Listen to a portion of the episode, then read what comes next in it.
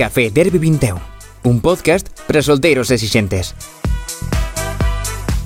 Punto Gal, o dominio galego na rede, colabora con Café Derby 21. Podes visitarnos en dominio.gal. Aquí estamos unha semana máis no Café Derby 21. Benvidas, benvidos, benvides. Moitísimas grazas a dominio.gal por apoiarnos unha vez máis. café tan delicioso.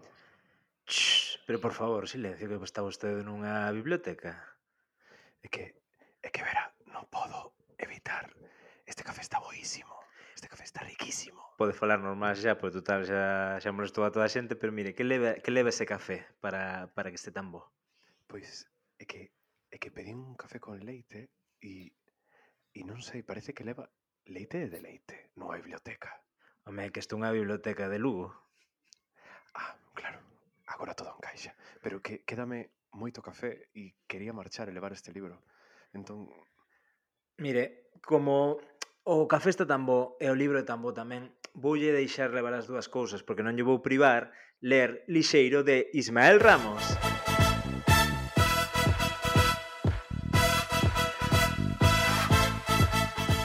Sorpresa. bueno, eh? Impresionante. Impresionante.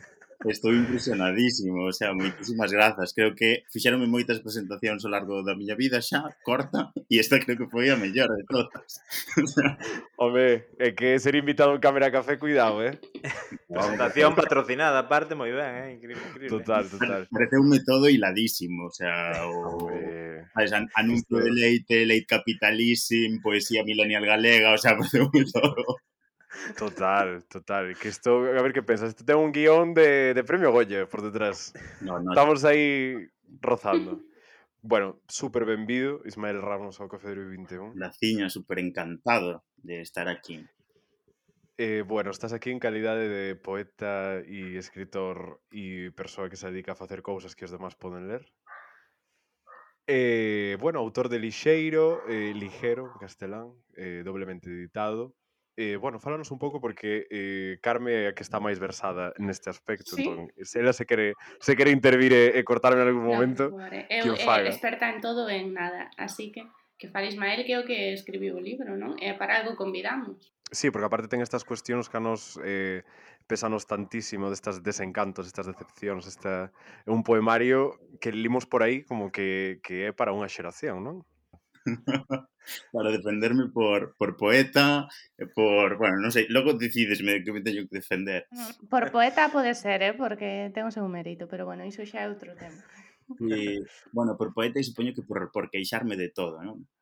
Eh, pois sí, estou, a verdade estou super contento co, coa boa acollida que, que está tendo o libro, publicouse en maio, é un libro ademais que quedou un pouco un pouco parado por culpa da pandemia, o eu rematei no xusto antes de, da, do confinamento, e, e tiña a sensación un pouco de que non daba saído nunca, non? Isto que eu creo que moitas cousas que quedaron aí atrapadas antes, e moitos proxectos, despois daba a sensación de que custaba moito sacalos adiante.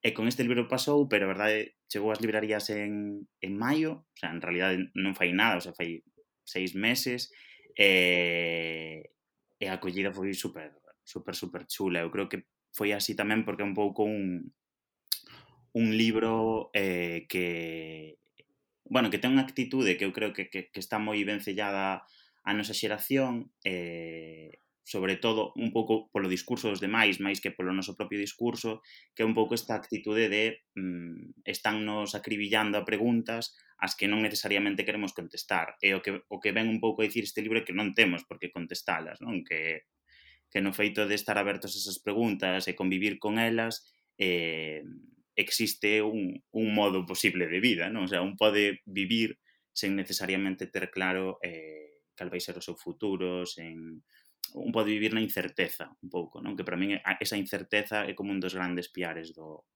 do libro. Hmm, interesante. É bastante curioso que se, eh, ese sendo eh, un libro de antes da pandemia sexa como igual de catastrófico que o que veu despois. Que, decir, non che fixo falta unha pandemia para chegar a esas conclusións a ti. Bueno, que eu creo que xa un pouco a, a nosa vida era catastrófica antes da pandemia, non? O único que fixe a pandemia, eu teño pensado moito nisto últimamente, o único que foi a pandemia foi como unha grande oportunidade para, para afianzar moitas desas catástrofes, non? Pero a, a incerteza laboral estaba aí, a incerteza afectiva, a distancia que impoñen as redes sociais, a, a nosa mercantilización ou comercialización a través das redes sociais, eh, o xeito no que proxectamos a nosa vida, bueno, to todas esas cuestións estaban aí antes da pandemia.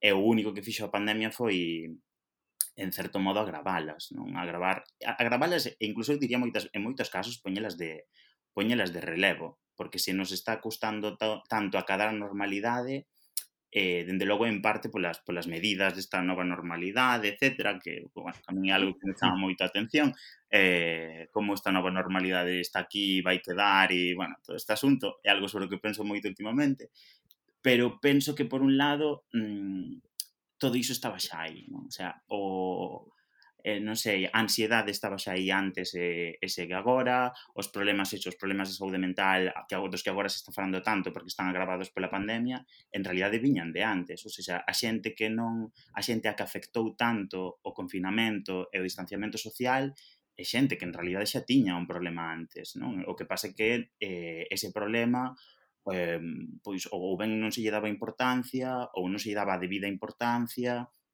ou asumíamos que era un pouco un, bueno, que o é, un mal xeracional, non? Un mal xeracional porque porque ao final é o froito dun, dunhas determinadas condicións de vida, etc. Entón, non, sinceramente, o poemario xa viña catastrófico da casa, o sea, non?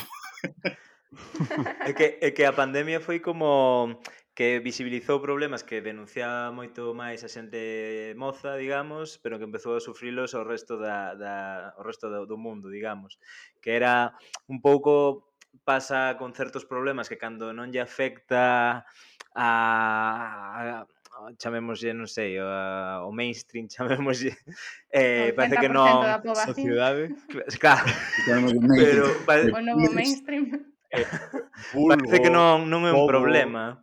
Parece que non é un problema. Pero dentro diso ten que ser como a gran parte, non? A... Ah, eh, o... poboación activa. Efectivamente, efectivamente. Pois eh, parece que non, non existe, non? Pasaba este ano dunha das miniseries que máis disfrutei, que foi It's Sin, que, fa, que eh, conta o tema do SIDA na, nos anos 80 e, pa, e pareceme interesantísimo como fai o director por eh, darlle certas similitudes coa pandemia que vivimos na actualidade, para demostrar de que cando esa pandemia só afectaba unha parte reducida da, da sociedade daba exactamente igual e como esta pandemia afectaba a toda a sociedade, aí sí que se, mo se molestaron en facer unha vacina, en poñer re remedio e acabar con ela pronto, non?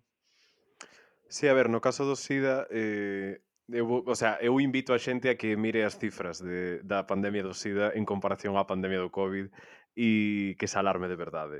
E de verdade, o sea, é algo é algo que incito, pero sobre todo eh, chamame moito a atención do que dicía Ismael, que está moi relacionado co que dicía Adrián, que e é como de eu xa estaba mal de antes e como que isto agravou uno, pero realmente a quen lle agravou estas cousas.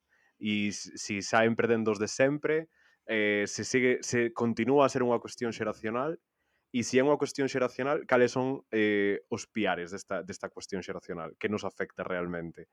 Afectanos eh, a nivel amor, afectanos a nivel eh, soidade, afectanos a nivel... É, que xa, é, que é como un compendio de cousas, sabes? En realidad, é, un, é un pouco lixeiro, quero dicir. Eu eh, ia dicir... Eh, eh, eu ia... Esta promo barateira... eu ia dicir que, que en realidad ahora cando dis amor e soidade, en realidad é casi, é casi o mesmo. O sea, quero dicir, afectanos da mesma maneira, non que na maneira... É que como de... se nota que eres poeta, eh? É que estamos a outro nivel de pensamento. Isto xa é, vamos... Sí, bueno, ou que, ou que estive un ano en Tinder tamén. Eh, Entón, que... Benvido. Ah, bueno. Entón, o que... Mm, sí, eu creo que o problema... non é tanto que mm, que sexa eh, que, que, que, se, que se visibilizase, senón que se abriu un pouco o discurso, non? Porque eu penso que moita xente que ata o que ata a pandemia o mellor non era tan consciente da, da dependencia que temos das redes sociais. E cando digo dependencia das redes sociais, case sempre pensamos un pouco como na xeración máis nova, non? Nos nacidos nos 80, 90, etc. Pero hai, o sea, a dependencia que pode ter xente máis maior de outras plataformas, como poden ser Facebook ou WhatsApp, é espectacular, non? Ou entón, eh, Candy Crush. Ou Candy Crush, efectivamente, ou sí, ou, ou, ou calquera timo de pero eh, penso que simplemente o que pasou foi que se que se fixo moi visible. Eh, de, nesa nesa visibilización eh, evidentemente, aqueles que o mellor tiñamos un discurso máis armado sobre o que nos levaba tempo pasando e o que levábamos tempo eh, querendo poñer sobre a mesa, eh, probablemente fósemos as xeracións máis novas. Non? Eh, entón, penso que por iso sí que axudou a, a, a pandemia axudou un pouco a abrir o, o discurso sobre todos eses temas, non? sobre pois iso, sobre eh, a inestabilidade eh, emocional de, de todo tipo, sobre a inestabilidade laboral, sobre a, a precariedade, xa non digo somente a precariedade laboral, sino a precariedade incluso do, do noso tempo de lecer, non? De, o mal que descansamos todos de repente, ninguén dorme, o sea, eh, foi, foi un caos. E unha cousa que a mí me dá moita rabia de todos os xeitos e que creo que pasa últimamente moito tamén é que a pandemia se está comezando a ver, agora que xa empeza a haber certa distancia, sobre todo co tempo do confinamento, como orixe de todos os males. E para mí non é a orixe de todos os males, non? É, é un detonante. Totalmente. É un detonante. Entón, claro, a mí é algo que me dá moitísima, moitísima, moitísima rabia, non? De decir, isto é culpa de la pandemia. No, señora, o sea, o señor, o señoro, non, non a pandemia, todo isto estaba aí e de repente chegou unha pandemia Eh, mm, e tivémonos todos que, que enfrontar a, a que a realidade era esta. Entón... No, no, é que hai un grupo, hai un grupo que se chama Aiko el Grupo. O nome do grupo é Aiko el Grupo. Wow. Eh, as, a súa canción, o penso que máis coñecida, chamase A milla me iba mal de antes. que ten moito que ver con isto. Porque, vamos a ver, señora, señoro, que é o terceiro xénero de cando lle queres reñir a alguén. Señoro, eh, A min eh, que esteña cos meus amigos e estes amigos eh, eu caia na conta de que ao mellor xa non son tan amigos e empece a repensar eh, nas relacións que mativen nos últimos 4 anos e resulta que, ui, aquello non era amor, era obsesión, eh, todo este tipo de cousas, eh, a mí xa me pasaba antes e non é unha cuestión de ningún tipo de virus.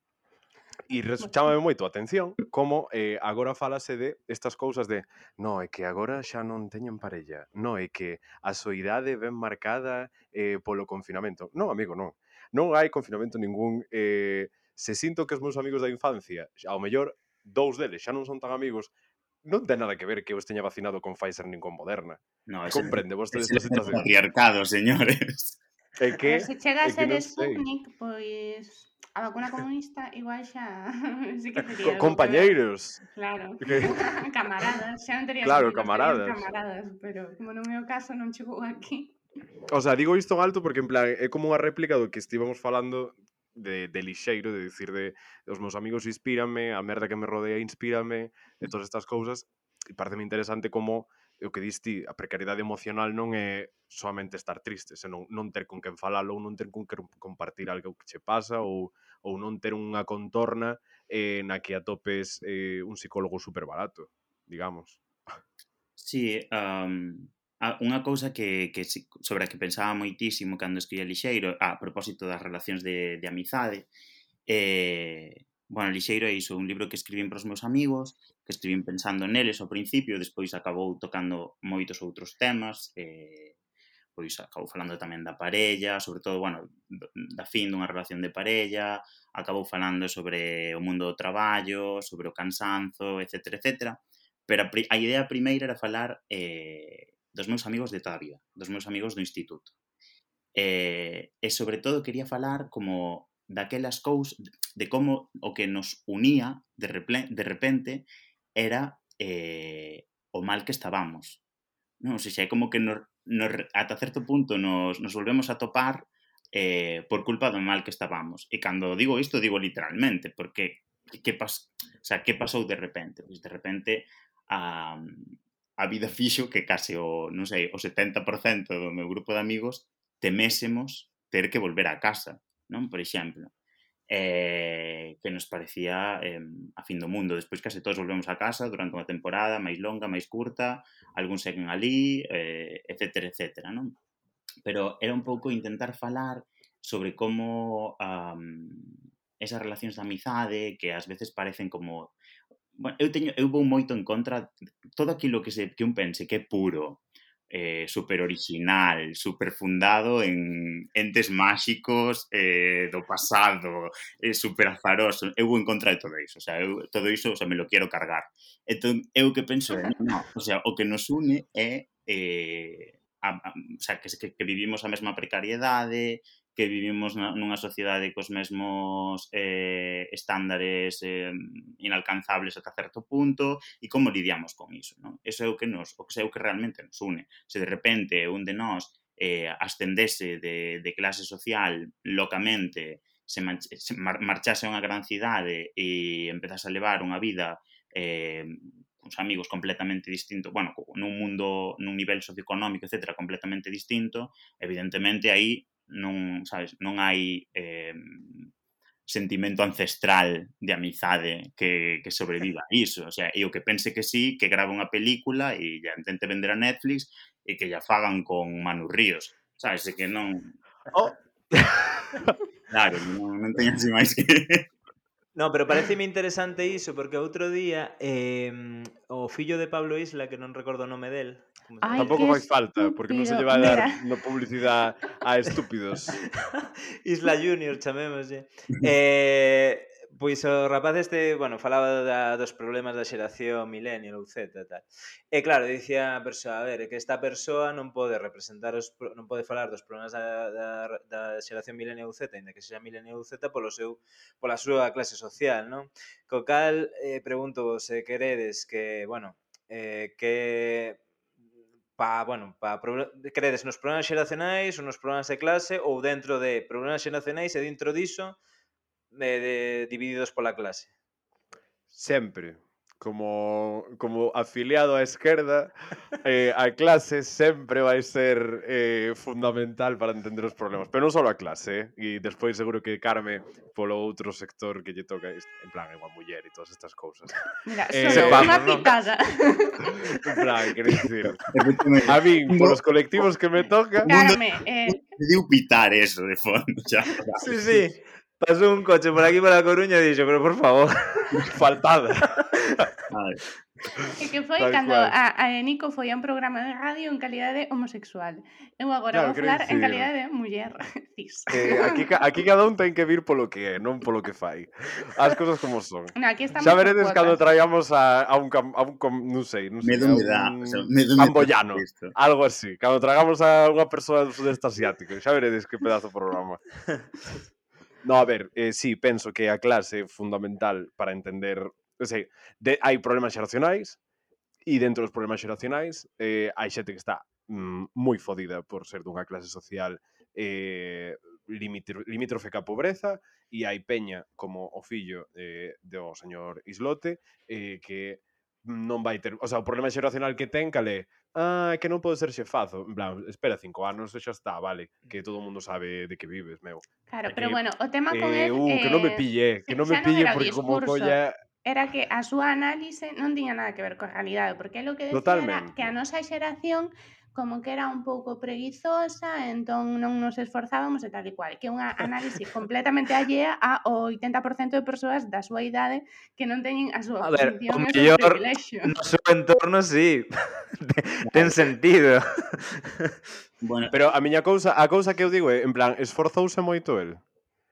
Pa, de, no, porque ao mellor estaba falando desde unha atril que moito cuidado, eh? Claro, pero ao mellor fala en primeira persoa. Claro. Sí, de, de plural. A xeración é el. De eu non me levanto polas mañas ata as 12. Um, eu non estou okay. moi familiarizado cos, cos papéis Isla Junior estos dos que estades falando ahora prometo, prometo fa, o sea, meterme en bibliografía cando, cando remato o podcast pero no No, sí, sí, sí, sí, agora estou interesadísimo. Eu sí creo moito nunha palabra, nunha destas palabras máxicas eh, que é interseccionalidade, non? Eu penso que todos o, todas as loitas, movimentos, eh, reivindicacións de todo tipo teñen que ter en conta eh, moitos moitos factores distintos, non? Nese sentido, por exemplo, si evidentemente penso que unha das ópticas máis abandonadas, por exemplo, hoxe en día é a óptica do da, da conciencia de clase. Hai moi pouca conciencia de clase, todos somos desclasados. Eh, algo, algo por exemplo, unha cousa, hai, hai unha cuestión que me, que me perturba moitísimo últimamente que é eh, o pouco que pensamos na xente que se empeña para mercar un iPhone. É un tipo de persoa que últimamente me interesa moitísimo, non? Por que, o sea, por que eh, de repente estamos naturalizando que unha persoa X moi nova que ten un traballo moi precario, mm, comparte piso, e a que probablemente os seus pais non lle poidan pasar cartos, eh, viva dunha bolsa de estudos, o que queirades, ou teña un curro merdento, vale, o que sexa, decide que unha das, eh, un, dos, un bo motivo para pagar algo a prazos é mercar un iPhone, non? Entón, iso é algo que estou vendo ao meu redor moitísimo, eh, e que para min é un moi bo símbolo de, de como confluen moitísimas cousas, non? Dende iso, dende unha conciencia de clase ata como de repente está todo mercantilizado e mediatizadísimo, non? Como a imaxe, eh, as redes sociais, o valen todo, e se non, non, non é que non sexas ninguén, é que directamente eh, vas ter uns problemas brutais para relacionarte. Non? Entón é como, non sei, iso sí me parece moi interesante, eh, intentar un pouco sempre ter esta óptica como moi multi moi multifocal, non? Moi eso, moi como moi polifónica, que falen todos ao mm. mesmo tempo. Pero sí, sí que creo que unha das ópticas máis abandonadas, unha das cousas das que menos falamos, é a óptica de clase. Cústanos moito cústanos moi pouco dicir que somos precarios e cústanos moito falar de cartos e dicir que en realidad non podemos quitar máis de 20 euros do caixeiro, non? O sea, eu creo que eso son cousas das que nos custa mm. moito falar sea, sí que non nos custa dicir, ui, que precario son, que pouco cobro, cantísimas horas traballo, pero en realidade sí que nos custa moitísimo dicirlle a un colega, eh, mira, eh, eu non podo pedir a Justit porque non me dá. O sea, non podo, esta, esta noite non podo cear sushi. Sabes? Eso, en cambio, é como super tabú. Non, creo que son e, e son realidades que, que conviven e que, e que as que en realidade non lle non lle damos non lle damos voz ou non lle damos forma e, e é unha mm, pena. E que ademais o, o tema do iPhone para min é como eh, o, o como exemplo máis claro de como perdimos esa condición de clase. E o digo como persoa eh, que ten un iPhone. Perdón. É que, é que esta noite tres iPhone, eu teño un Xiaomi, e esta noite imos cear todo o sushi. E o que pregunta de clase é o que tengo Xiaomi. Ollo, cuidado. Sí, sí, ah. pero total. Porque... Teño, unha, teño un Mac, teño un Mac, eh? Ah, toma. Ah, de programa grabase dende un Mac. Condenado, toma. condenado. Bum, aí, repartín ben. Pero ademais é como que Apple é a empresa insignia do capitalismo, entón temos a imaxe mental de se eu quero ser guai, porque Apple con eso xogou eh, de butanai, vamos, teño que ter un iPhone. Entón, eh, ti pensas que polo feito de ter un iPhone, ter un Mac e eh, subir fotos de sushi a Instagram, porque sushi tamén é moi boa comida para eh, simplificar isto. Xa pertences a unha clase que igual non é a túa, porque vale que eh, podes eh, cear sushi un sábado, pero se non podes pagar a factura da luz da semana que ven, igual tan clase media iPhone ou clase alta non eres. E o que pasa que enchemos a nosa vida destas merdiñas e esquecémonos de onde estamos na, na escala. É que é moi fácil sentirse rico agora mesmo, en plan, inda que non o sexas, con pequenas cousas, ir a cear eso, pois sushi, ter un iPhone tal, que é accesible máis ou menos para xente de clase media, e o subes a Instagram e das unha imaxe de vida pudiente, de vida tal, inda que de logo comas arroz toda a semana. Eh, Claro, a ver, tamén eu... como de, desestructurada ten que estar a túa cabeza A ver, eh, digo a túa como pode ser a miña Eu podo ser exemplo sí, disto sí. perfectamente Para que ti poñas por diante o vou a forrar ou vou a non sei que para comer sushi e ter un iPhone e finxir que teño esta vida en vez de ter outras prioridades. O sea, quere dicir que estamos fatal xestionados. Sí, pero eu penso que o, o problema agora é que chegamos ao punto no que pensamos ou, ou inconscientes, non somos conscientes, pero inconscientemente pensamos que esa é unha ferramenta necesaria para o ascenso social. Entón, é hmm. case, é como todo, o sea, é como cando durante eh, anos, e agora xa o tragamos, nos venderon que ter un máster, que ao final ter un máster é unha, é, sabes, é como comprar unha máquina registradora destas de xoguete que compraron as universidades españolas. Chichín, chichín, chichín, sabes, que casi o podes escutar mentras te están quitando. Entón, é, é como a iso, non? É como, tengo un máster en non sei que, non sei cuánto, e tres liñas de título de máster, non? Pois eu penso que son como... Dios, son eu, Dios mío, que son eu, teño iPhone e un máster de tres liñas. Ai, Dios. Teño dous másters de tres liñas, entón non Bueno, bueno, que máis aí. Claro, claro. No, pero sí que creo que son como estas cousas que en realidad son perigosísimas e ao principio todos vemos que son perigosísimas e que ao final acaban entrando, sabes, deixalo aí, Eh, e, e acabase convertendo casi nunha necesidade, porque é iso, o sea, para min ter un iPhone hoxe en día é casi como un instrumento necesario para o ascenso social, no sentido de, a ver, eh, se eu son moi listo, teño moitísimo potencial, etc. Eh, pero non teño un iPhone, donde o vou lucir, non? E necesito lucilo para sair adiante. O sea, xa sei que isto é moi simple, non? Isto que estou dicindo tería infinitos matices, pero pero de verdade que me parece iso que, o sea, que como se suele decir, o sea, que, que non la colaron moitísimo, ¿no? o sea, que non la colou, non só Apple, eh? o sea, eu creo que como que o mundo non la colou moitísimo, eh, e agora pois estamos aquí falando disto nun podcast agora que estamos... que haberá peña que escoite no seu iPhone mentres pensa, oxalá os meus amigos esta noite decidan pedir kebab, sabes? O sea que... A ver, a, tócame, tócame falar xa en plan en calidade de, de, de sabiondo de testigo. do trivial. En plan, como persona aludida durante estes cinco minutos de conversa, eh, e, e como campeón mundial do trivial, teño a resposta a todo isto que estades falando. Obviamente, obviamente. Eh, o iPhone, ademais, eh, sí, é un ben de ascenso social, chamase ben posicional. Digamos que eh, cando posúes ese tipo de bens, diferenciaste do resto do mundo E eu que clásicamente soese chamar chinche rabiña, mira que teño.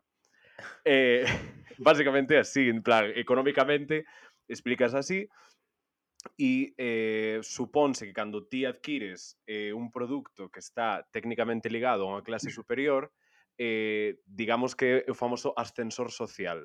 Se eu levo esta vida eh, tan de putanai e podo retratalo a través deste teléfono que é un signo identitario eh, de certa clase, certo grupo social, significa que eu son parte de certo grupo ou podo emular a este grupo social. Vamos, o que estábamos pero, ¿sabes? comentando antes, pero cun máster de tres liñas. Totalmente, que se note que... que está pagado. Sabes o que realmente é eh, Mark Simpson cando encontra un vestido de Chanel, o Chanel eh, vai ao club de golf co vestido sí. de Chanel e o día seguinte vai no cambiando e tal, pero non é de desa xente, non? Sí, sí, pero que eu creo que, o sea, eu creo que o, o para min como como persoa nacida no ano 94, vou ser hiperespecífico, para min o, o, o traxe, o, o sea, o Chanel de Marge Simpson mm, foi o momento no que inconscientemente aprendín que eu ia ser toda a vida un desclasado. O sea, que, que o sea, quero dicir que, que, que, ia, que ia levar mal a, a miña clase social longo de toda a vida, non? Despois salín moito sobre ese tema, pero pero para mí esa é a base, o sea, eu, eu creo que somos como como xeración, a, a clase media baixa da nosa xeración somos o traxe de Chanel de Marge Simpson e pasaremos e pasaremos por las 80 reinvencións que sexan necesarias para sobrevivir Total. sin perder un mínimo de estatus, que non dignidade, que dignidade xa perdemos fai tempo. Pero estatus hai que intentar Totalmente. perder. Totalmente. Eh, bueno, eh, hai un melón que deixamos aí aberto que xa empeza a cheirar un pouquín, que abrimos fai un pedazo, que é o das amizades, que abandon abandonámoslo polo noso tema favorito, que en plan, lo mal que estoy, lo pouco que me quejo. pero mira mi iPhone.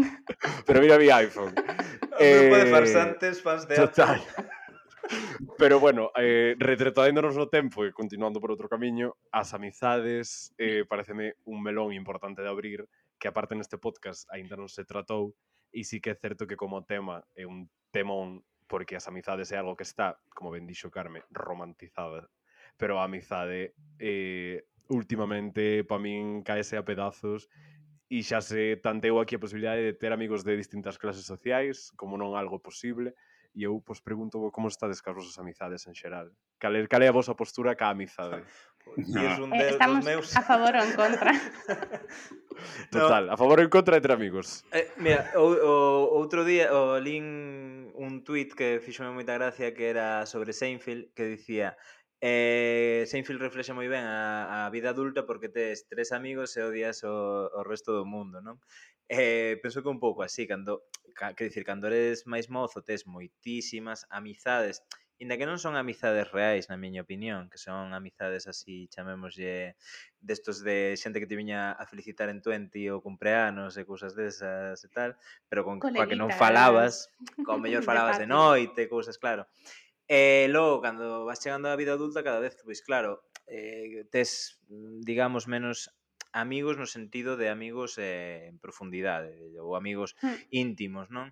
Porque por moitas cousas, un motivo pode ser que te, ti e os teus amigos fan vidas moi distintas. Eh, ti cando chegas a, a certa idade, a mellor ti estás vivindo nun sitio, os teus hmm. amigos están cada un nunha punta, falas solo por WhatsApp, este dúas veces o ano, vas facendo novas amizades, vai cambiando moito unha amizade que pode estar con 20 anos con con 30, non?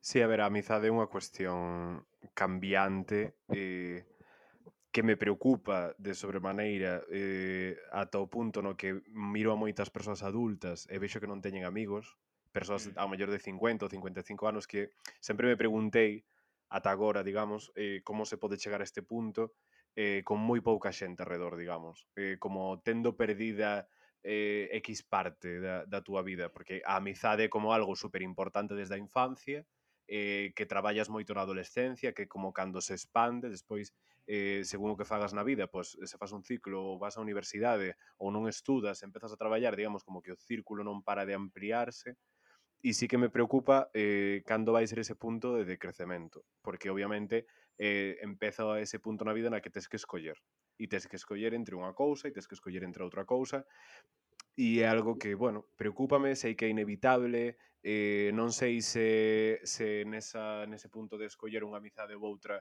escolles eh, as de toda a vida, as que chegaron noutro momento pero que sintes como máis propias. Se te quedas con esas persoas coas que tes o 70% das túas anécdotas, pero coas que non podes rematar a noite sen discutir. Hmm. E, eh, de verdade, a amizade é unha cousa que que na que hai que pensar moito e penso que é algo importante que o ser humano aínda non acaba de descifrar porque senón non se terían feito a mitad de series que se teñen feito sobre o tema.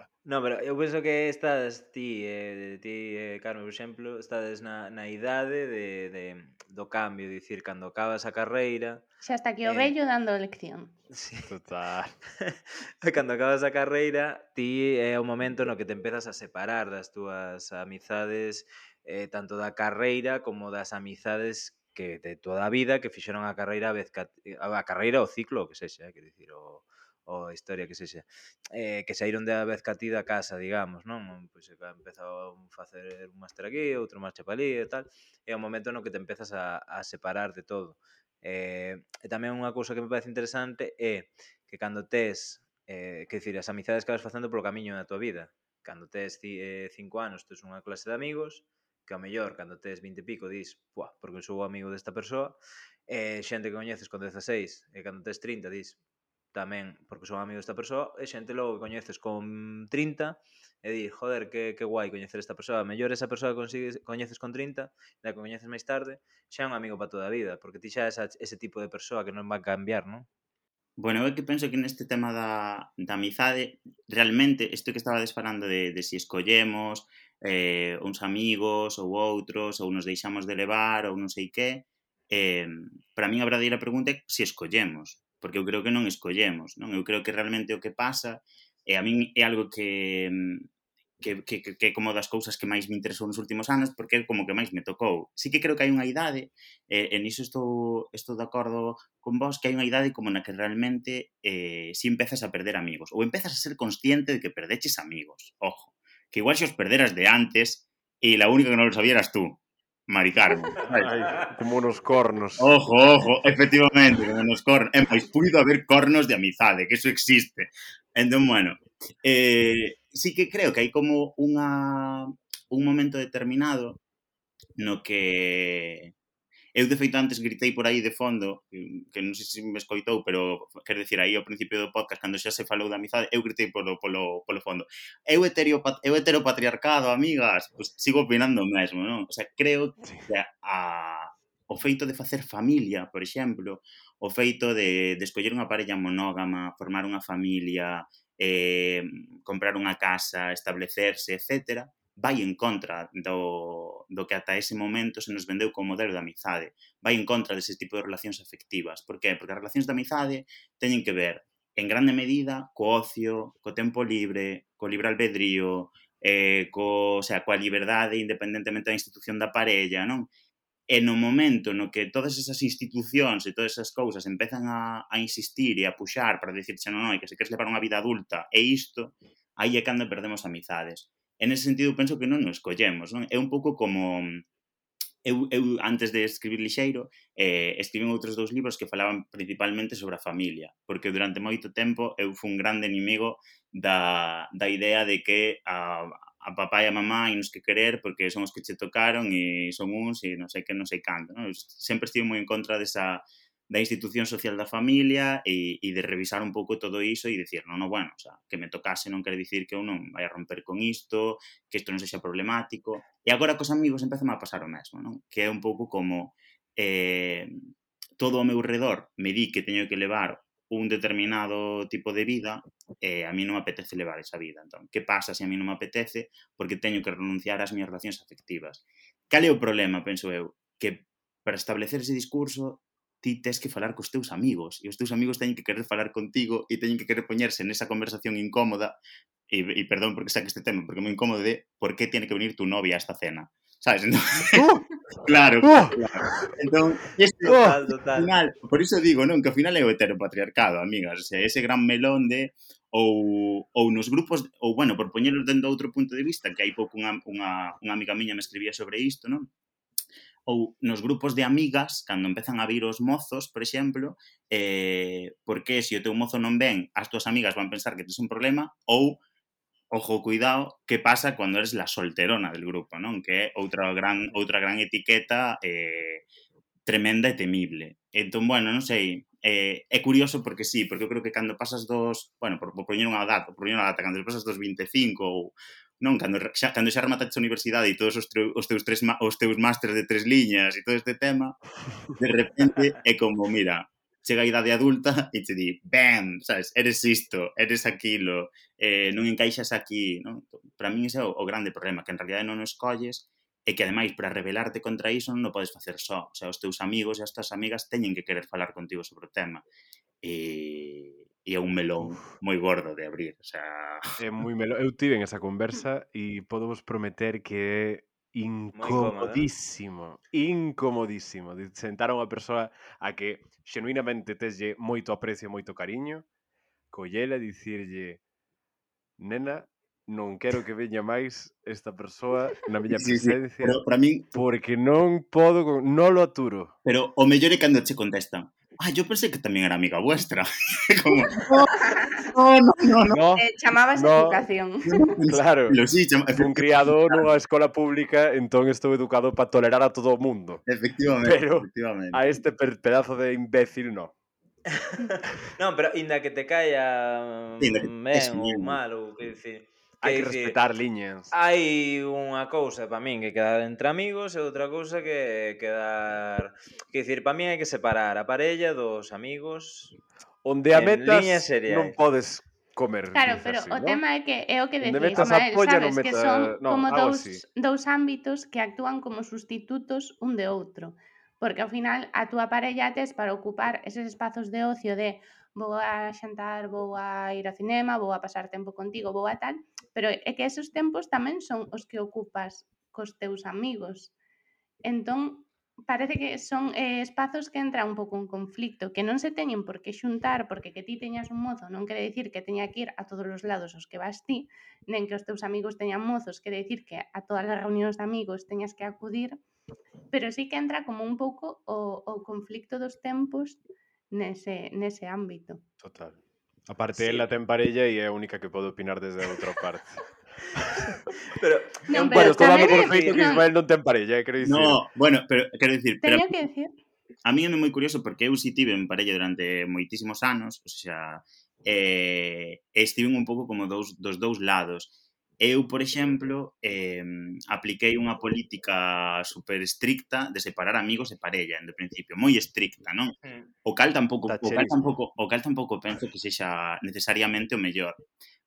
Pero, pero dende logo, vou defender a ultranza que é moito mellor iso que ah, pensé que era amiga vuestra. O sea, de verdad. Claro. defendendo ata o final, non? Non, é, eu, eh, por exemplo, a, a miña ex eh, Carmenico non, bueno, Carme viu un día de casualidade na rúa. eh, xa, eh, que dicir, a xente pregúntate en plan, pero eh, por que non ven tal? O mellor pensa que estás ocultando algo, como se tiveras 12 anos e dixas, sí, teño unha, no, unha, unha moza na aldea e imaginaria, pero... As mozas plan... de Canadá, dos Estados Unidos. claro. Pero, non, pero penso que sí que é unha cousa de que, pois sí, estou totalmente de acordo con separar ambas cousas, e eh? quero dicir, tempo penso que hai para todo, te penso que hai tempo para estar coa tua parella e tempo para estar cos teus amigos. Logo hai xente que quere estar todo o día coa parella, están como Michi e Yoshirin de Sinchan aí pegados eh, ata para ir ao baño, co cal, claro, pois levan a reunións de amigos e tal. Pareceme que é máis eh, que vai a persoa que ten parella, quer dicir, vai a parella, vai coa parella a todos os lados, máis que ao revés, máis que lle inflúan os amigos. Quer dicir, creo que o problema máis é de ir coa parella todo, todo o rato. Hmm, pero a ver, tamén depende, porque eu, por exemplo, eh, se teño unha amiga que me está falando de que comenzou a sair, pois con un home ou con unha muller, eh, fálame desa persoa, e eh, xa levan un tempo quedando, de min tamén moitas veces a decir, joe, pois eu quero coñecela, porque teño curiosidade, ou que veña un día a tomar algo e falamos e tal que non digo que teña que ser obligatorio. Da mesma mm. forma que igual eh, eu se estou encantada coa, mi pare, coa miña parella, digamos, faime certa ilusión igual decir, oye, pois quedei cos meus amigos, ben, un pouco por, non sei, como cando lle presentas un amigo tua nai, sabes? Ben que te vou mostrar. Mostrar. sí, sí, a ver, claro. non sei. A min, a min eh, preocúpame, preocúpame moito eh, porque podese caer nesta lógica de dicir, bueno, pois pues agora que xa vos conocestedes, non vos vais deixar de ver claro, nunca, nunca xa non, máis. Claro, iso non. E iso tamén é moi cultural, porque a min pasoume eh, fai pouco que tiña eh, unha cea de traballo, pois, e ademais éramos todas mulleres no, no traballo, organizouse unha cea, eh, vale, quedamos tal día, tal hora. Eu traballaba de prácticas con unha compañeira que ela é de Cuba, veu, leva en España, pois, ano e medio. E como falando de outra cousa, dixo, ah, pero para a cea ven o teu mozo, non? Eu quedenme mirando con a coa cara extrañadísima, de, que dis? Como, por que? Ela como que daba por suposto que cando vas cear nun grupo tes que levar a, a tua parella, eh, sexa cal sexa a calidade institucional, marido, me lío de Tinder, da igual. Pero se, se tes alguén, tes que levar esa compañía. Entón, igual é o pouso que temos de cando igual sí, sí. que en Cuba agora eso eh, segue sendo costume, igual fai 50 anos probablemente eh, eran cousas parecidas que pasaban. Sí, a ver, cambia moito, sí que é verdade que cambia moito e non sei, é que de verdade que o tema de xuntar parella con amigos é unha cousa moi complexa porque despois eh, dase esa situación na que a túa parella cae mal aos claro teus amigos. Claro que iso é incómodo. Eh? Bueno, conste... Pero a ver, ta, eu tamén digo, se a todos os teus amigos cae mal a túa parella, pensa un en que non son os teus amigos e tes os teus amigos aprobados, ok? Igual é por algo, e eh, senón replantea Pode ser unha amiga date cuenta, eh? No, e, no. no hai unha cousa, hai, hai unha cousa maiores que non estamos tendo en conta contextual moi importante que que realmente estes problemas únicamente se dan ou case sempre se dan únicamente cando hai xente no grupo que non ten parella. Porque cando todo o mundo ten parella, amigas e amigos, o que acaba sucedendo é que o que che acabe exixindo o grupo que ti acudas coa tua parella, porque el vai acudir coa súa parella, entón, pois xa, acaban facendo eses macroplans de parella que son fantásticos e que acaban forxando relacións de amizade que dan en bonos de crucero de Alcón Viajes. Entón, para min iso xa é como o culmen de, non, de, de, de, do triunfo do triunfo do modelo heteropatriarcal máximo. É que, a ver, eh, parellas A ver, eu, eh, vos non coñecestes, penso, parellas miñas ningunha como para poder opinar eh, do tema. Eh, creo que a clave é escoller sempre eh, unha parella que, que poida ser o teu amigo. É clave. Non saltarse pasos intermedios. A ver, que iso xa é outro tema, eh? que... Claro, que ese, ese xa é outro Vale, vale, xa, vale, xa me saindo do tema, no? Vale, vale, perdón, perdón, perdón. perdón, xa me saindo do tema, entón nada, entón non, non, non se pode opinar sobre... A ver, sobre... é que é moi complicado porque é iso, hoxe en día aínda temos a institución da parella moi establecida, aínda que queramos ser de progres, eh? Ah, non sei quen sei canto. Non, no, non somos o PSOE, non vamos de progres. Exacto, non, a veces non o somos. E, e coas amizades igual, quero dicir, retomando un pouco, eh, igual que temos moi metido na cabeza que a parella para facer certas cousas en certos contextos, tamén temos moi metido que as amizades son para facer certas cousas en certos contextos, eh, e se non fas isto, non formas parte do grupo ou non tes ou non son os teus amigos. Jolín. É que hai que aprender a decirlle non aos amigos, en plan, eh, cando un amigo, cando un grupo, cando o grupo sobre todo, quero dicir, un amigo só dille, diche, mira, vamos a lidir, no. Pero cando tes un grupo que che fai presión de dicirche eh, vamos facer isto, tal, e ti, ou vamos ir tomar algo, incluso, cinco persoas ou seis, imagínate, dinche, vamos ir tomar algo, e ti sou único que non te apetece ir a tomar algo, estás como nunha posición de, uf, eh, como lle digo que non a esta xente? Eh, non entendo por, por que non está normalizado dicir, pois pues non me apetece, en plan, non me apetece, xa está, xa baixarei un día que me apeteza e punto. Pois porque, o sea, eu creo que, que, que o problema é que non só está cero normalizado, non? Sino que ademais agora é como que tens que acompañar ese tipo de non me apetece con que realmente che pase algo, non? O sea, que realmente che este pasando algo gravísimo, que non sexa que a, que a outra opción non sexa eh, meterte na cama e ler un libro, non? Porque a outra opción ten que ser eh, ou non sei, ou en realidade estás ocultando algo, tes un, e tes un lío de Tinder que do que non queres falar, ou en realidade estás morto de ansiedade na túa casa e hai pobriño, necesitas ajuda e non sabes pedirla. O sea, non hai nunca opción de estou pasando disto porque me apetece estar só.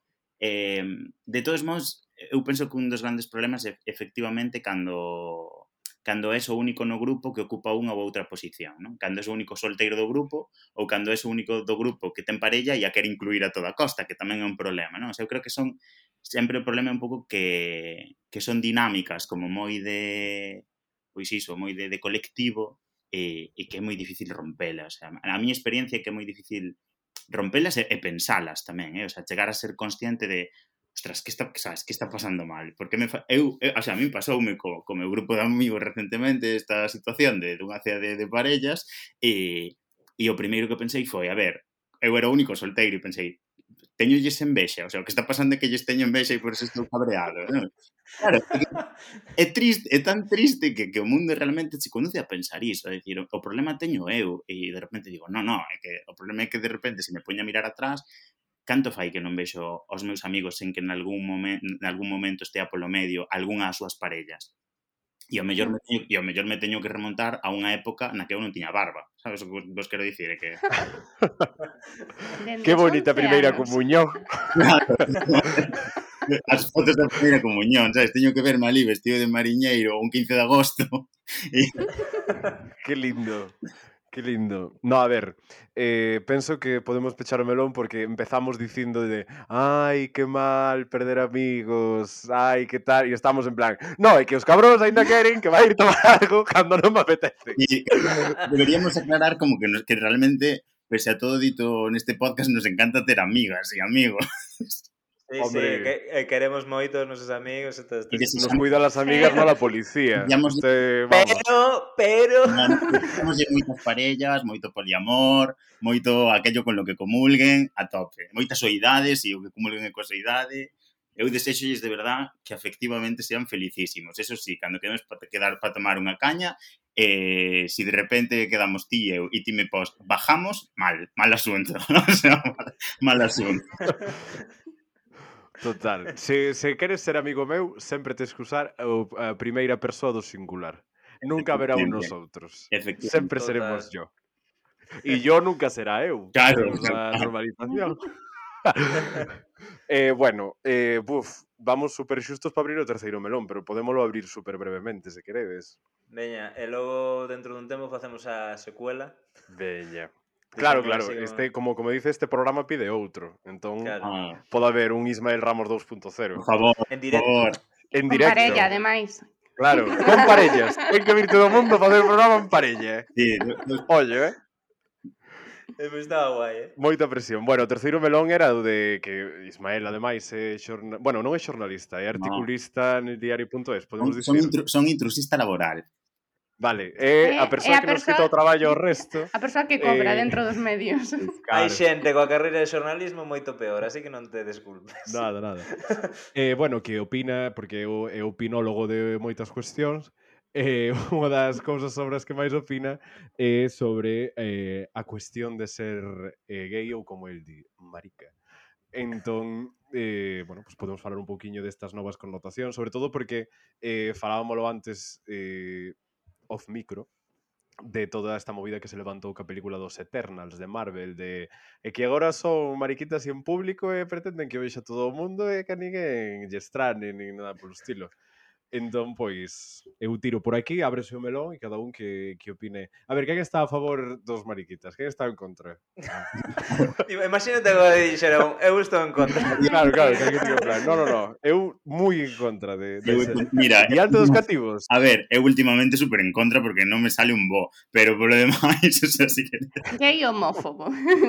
ese tipo de Moi típico, eh? Moi no, típico. Moi típico, moi típico. Eso, eso moi sería típico. un melón moi moi interesante para abrir. Pois, sí, sí. Pois, em, eu solo por defenderme dunha cousa é que considerome moi, moi, moi mal opinólogo. Eh, eu, o sea, empecé a escribir opinión recentemente por, por un accidente, senón non tería sucedido nunca, que o accidente foi que eu tiña unha idea quería publicala e quería que me pagasen por publicala, entón, imaginade, o sea, había moi poucos sitios ah. onde so, onde so... Pero a quen se lle ocurre, a quen se lle ocurre pedir cartos claro. para traballo? Pero que isto? E, e tive a sorte de encontrar un sitio eh, de que o tema sorprendentemente gustase e dende entón pois deixame seguir opinando, pero é algo que eu non fixera nunca antes e que, e que ás veces eh, me custa moito facer non porque teña síndrome do impostor, eh, sino porque durante moito, porque eu realmente moitas veces penso, digo, Dios mío, en realidade Elvira Lindo sabe moito menos sobre isto que a min, sobre isto que estou escribindo, e mírala, sabes? É como... Si non, total, total. Si non lle preocupa máis mínimo. Pero, pero sí que algo como accidental que eu non fixera nunca. E, e que sí que me gusta moito facer porque porque me fai como pensar obrígame a pensar periódicamente sobre temas que me son moi incómodos. E un deses grandes temas que me é moi incómodo cada certo tempo, efectivamente, é ser, ser marica. O sea, ser marica é unha cousa moi difícil. Mm, para quen non o saiba, pois, pues, bienvenido a este Mira al mundo de Ismael Ramos. Ser marica complica a vida moitísimo o 95% da te... O sea, o tempo que non durmo, e incluso a veces dormindo, complica a vida moitísimo. Eh, é unha desas cousas efectivamente ten que ver con, con isto que, que comentades de, de que agora de repente parece que somos supervisibles, non? bueno, supervisible, bueno, que supervisible, sí, que ten que haber un gay en todas partes, un gay en todas as series, un gay en to... o sea, como que vamos a facer que este personaxe sexa homosexual, que ata agora non o era, eh, etcétera, etcétera, etcétera. E a mí esa é unha cuestión que me preocupa moito, porque sí que creo que eh, o outro día ainda falaba disto con con, bueno, con un xornalista, de feito, que, que, que, me estaba, que me estaba preguntando sobre o tema, e eu dicíalle que a min preocupa moito que é certo que acabamos un nivel de visibilidade, bueno, pois... Eh, que, que non está mal, por decirlo de alguma maneira, que non, acadamos unha cuota gay que non está mal, eh, acadamos, acadamos unha chea de, de dereitos, non? Durante, pois iso, durante os anos 2000, etc., acadáronse moitísimos dereitos, e agora temos un problema grandísimo, na miña opinión, que é que nos apetece xercelos. E iso é un problema mm, gordísimo. O sea, eu creo que o problema é, é ese, non? Que, que se nos deu todo sobre o papel, que efectivamente, non sei, en Madrid existe un, un gueto de clase alta que se chama Chueca e ali pode ondear permanentemente unha bandeira, pero que esa bandeira, repito, ondea nun gueto do centro de Madrid que se chama Chueca e non ondea en Madrid Sur, por exemplo, non? Eh, efectivamente, que probablemente haxa máis maricas en Madrid Sur con moitos máis problemas. Efectivamente. E, que dicir, é que, ui, vai melón máis rico. No, no, mm, e, e, efectivamente podemos ter eh, figuras políticas visibles que, que sexan, que pertencen ao colectivo LGTB sempre cando falen sobre temas que teñen que ver co colectivo LGTB, non? Pero eu creo que a, nin, eu creo que a que se armaría, ou bueno, mínimo un artigo de opinión se dedicaría a Grande Marlasca se decidise ir con un pin coa, coa bandeira arcoíris ou decidise, non sei, un día sair da súa casa vestido de drag, non? O sea, eu creo que eso sería oh Dios mío, eh, o primeiro ministro, o primeiro ministro, sí, o ministro de Interior volveuse eh, tarumba que está pasando aquí. Exactamente, que pode ser homosexual e un pedazo de cabrón dos que non collen na casa. Sorpresa. Eh, Así, sin máis, eh, refírome. Eh, pero, bueno, eh, tamén penso que hai moitas cousas que romper, penso que hai estereotipos eh, tan, dende o cine, a televisión, aos libros e, ao, e a realidade inmediata de dicir eh, bueno, é que isto pasou o fin de semana pasado, vale? Eh, de estar eh, nunha festa e vir unha rapaza non sei que en plan tengo aquí un amigo que te tengo que presentar Eh, esto, bueno, esto, bueno, é que é moi forte. É que... Isto pasou, isto pasou cunha amiga nosa, sí, non sei se o comentamos que é como se vos cruzaran como caniches, en plan. Sí. eh, teño un caniche ou vou no cruzar co teu. Literalmente, o sea, síntome eh, levado aos sitios da man e dicirme, e agora xogo con este neno que non coñeces de nada. en plan, as discotecas eh, son parques de infancia onde as mariliendres levan aos seus mariquitas a... a cruzarse. no, no, no, o sea, isto, isto funciona así. E é unha cousa que eh, faime moi fácil a vida porque eh, mm, quítame toda a primeira fase de roneo, cousa que a min personalmente gustame, eh, pero en plan, restalle un pouco de emoción, eh, faiche, faiche unha autovía, la autovía del amor, faicha, eh, pero que non me gusta nada no sentido de que non deixa de ser un estereotipo, iso ou eh, mítica película Disney Channel 15 anos en plan confesa o secreto, son homosexual. Ah, moi ben, vámonos de compras. Vamos a ver, meu. Eh, é que sí, é que son este tipo de cousas que parece que, que non pasan, pero que de verdade que pasan moitísimo ou que eh, tenche que gustar as artes ou eh, tes que ter un aspecto físico determinado ou tes que estar atento ás modas ou tes que... E é como, wow, eh, realmente son unha personaxe de, dunha serie de Shonda Rhimes eh, porque que estou metido nun corsé. E iso que Shonda Rhimes fai bastante ben. Vamos a decir que son un personaxe dunha serie de Ryan Murphy pero tampouco porque eh, no. levo máis dunha 40, polo tanto non estou ninguna serie, sería Kathy Bates. entón... o, que entón- falas, o que falas do cine, eh, vos credes que hai moita representación agora, faladas de Eternals, pero credes que estades ben representados ou que siguen habendo estereotipos? Ou en plan, personaxe gay, nada máis o escritor, que é o que sabe. No, eu, eu, eu, o sea, eu creo que, que siga habendo moitísimos estereotipos e siga habendo, o sea, siga habendo moitísimos estereotipos na ficción, pero porque porque siga habendo moitísimos estereotipos na na vida real, o sea, no día a día, non? E, mm. e moitas veces encaixamos con estereotipo. De todos os xeitos, eu repito que como sempre vexo estas cuestións, intento velas sempre para non precisamente para non decir isto solamente nos pasa a nós e nos estamos queixando nós e non sei que, eu intento ver sempre isto dende, dende todas as perspectivas posibles, non? E penso, vale, existe este rol do, do amigo gay, este estereotipo de, de que ten que cumplir con uns determinados eh, esquemas, uns determinados intereses, unhas determinadas actividades lúdicas, por decirlo de alguma maneira, eh, unha maneira de relacionarse afectivamente tamén moi determinada, etc, etc, pero que hai outros outros colectivos que precisamente molestan e como son molestos, eh, poñémoslles outras etiquetas, non? Eu falaba, o sea, que antes falaba, por exemplo, eso das, das solteironas, non? Pois unha muller que decide que quere estar soa e que ten unha determinada idade e que disfruta soa e, e tendo unha vida independente, vai ser unha solteirona e vai encaixar nese rol, non? Entón a min interésame moito ver eh, por que nos encaixa, o sea, que hai que hai detrás eh, que medos hai detrás de que nos encaixen neses roles. E os medos que hai detrás son que o sea, o que teñen medo é a que decidamos exercer o noso dereito a vivir a nosa vida como nos saia das narices en pé de igualdade que sea putada, querer vivila en pé de igualdade. O sea, porque ti, vale, cásate, tal, non sei que, por qué? Porque así serás como a nós. Pero que eu non quero ser como a vos, se eu quero ter os mesmos dereitos que a vos, sendo con mesa de min das narices, ser. O sea, eu... E iso, iso é un, un grande problema. E, se, e aí existen un recurrente. Para todos, eh? E aí existen estereotipos para todos, non só para non só para a comunidade LGTB. O que pasa que, bueno, a mí é a que me toca, sempre me din, ai, solo, dentro dos LGTB só obras de los gays, e digo, es que bastante problema tengo xa para entendernos a nós como para falar dos demais, non? O sea...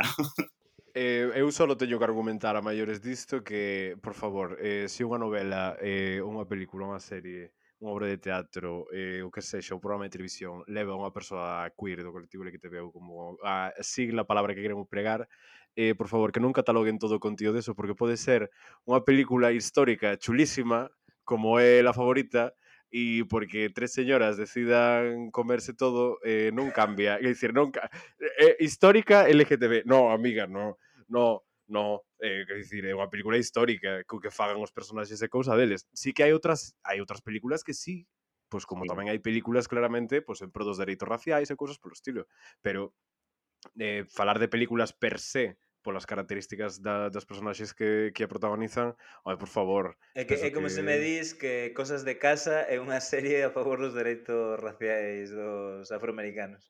É que, por, claro... Por ser protagonizada por, por afroamericanos.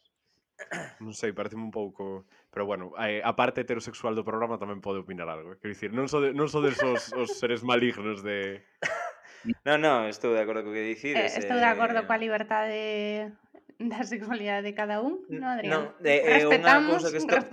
No, do que estou moi a favor do que dixo Isma é do de que en Madrid, eh, en Chueca, eh, os que dicir, ten un lugar seguro de Chueca, pero como pode haber lugares seguros en Galicia, e non en tantos outros sitios, que te, hai que construílos entre todos. Monterroso, sí señor, Monterroso espacio seguro. Terra de liberdade. eh, bueno, pois eh, penso que podemos pechar o melón porque a verdade, eh, bueno, temos o tempo en riba, o programa ten ir acabando, pero queda aí a promesa de que nun 2.0, pois este melón a verdade é que moi ten moito moito zume para poder disfrutalo. Eh, bueno, pois eh, nesta tempada a, cada programa está rematando cun xogo que trátase, Ismael, basicamente de que tens que escoller unha cor que as cores son eh, laranxa, amarelo e violeta. Alguén gaña, pasas a formar parte do equipo desa persoa e... Eh, eh, esta vez, o oh, esta semana vai ser deu-me unha idea, viño, deu unha idea facendo o programa que é quedar para tomar algo sen parellas co teu equipo. sí, todo o equipo. Eh, eh, todo o equipo, eh, todo sen parellas, equipo. tal, eh, quedas co teu equipo e tomas algo así e xa tes como un grupo. Home, a quen, non, a quen non lle vai gustar? A quen non lle vai gustar? Bueno, pois tes que escoller. Eu pregunto, en cal está Galloso?